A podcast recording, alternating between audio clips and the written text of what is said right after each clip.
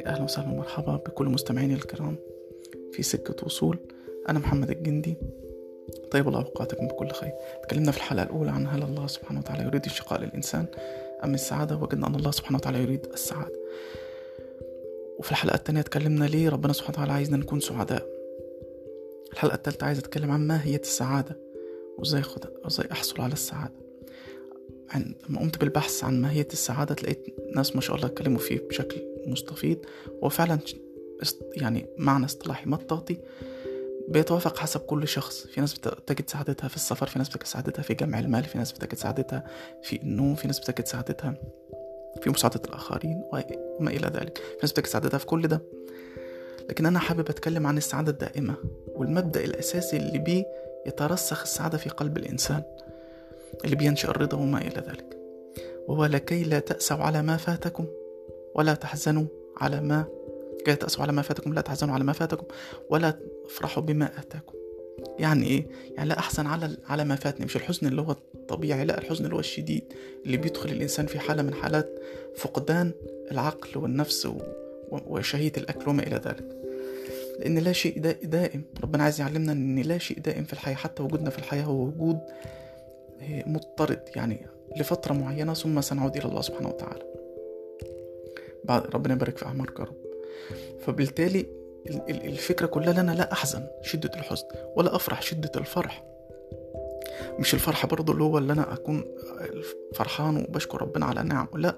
الفرح اللي هو بياخدني لسكة اللي أنا أبقى طاغية شدة الفرح التكبر وما إلى ذلك وأبقى أطغى على على على كل شيء.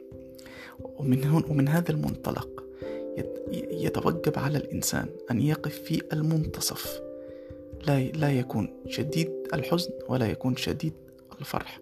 حتى يرى الدنيا بعين الرضا والسعادة الحقيقية. ستنبع من ذلك المنطلق. وعن الحزن أنا هدي عايز أضرب مثال وهو إن الإنسان عندما يفقد شخص عزيز عليه وده أقصى أنا من وجهة نظري أقصى. من وجهة نظر ناس كتير أقصى ابتلاءات ممكن الإنسان يشوفها. وبالتالي فهو لابد إن هو ما يحزنش شديد الحزن. حتى ربنا قال عن النبي عليه الصلاة والسلام يعني إننا بعد ثلاث أيام لا يتوجب على على المؤمن أن يعزي أخيه المؤمن. يعني ما ينفعش إنك تروح تعزيه بعد ثلاث أيام ليه؟ حتى لا تجدد احزانه وشدة الفرح هذكر مثال بسيط جدا. كلنا بنقرأ سورة الجمعة كل سورة الكهف كل جمعة. لما صديقي بيحكي لصديقه يعني بيقول له ما دخل الجنة, بتاعته الحديقة بتاعته وقال ما أظن يعني ما بيظنش هو إن الحديقة دي هتنتهي أبدا أو هتخلص. أو هتبور وإن ما فيش يوم قيامة ما أظن الساعة قائمة. ولئن رددت ولئن رددت إلى ربي لأجدن خيرا منها منقلب. ولو رجعت لربنا هتلاقى إيه؟ أحسن منها. هنا وصل لحالة ظلم نفسه وصل لحالة الغرور. وفي ناس بتوصل بيها المرحلة يعني في ناس بتبقى في مناصب عليا بيوصل بيها المرحلة إلى إنها بتبدأ تطغى على البشر. تحس إن هي فوق الناس والناس كلها من تحت وأبدأ أنا أدوس عليهم براحتي. وده غلط كبير جدا.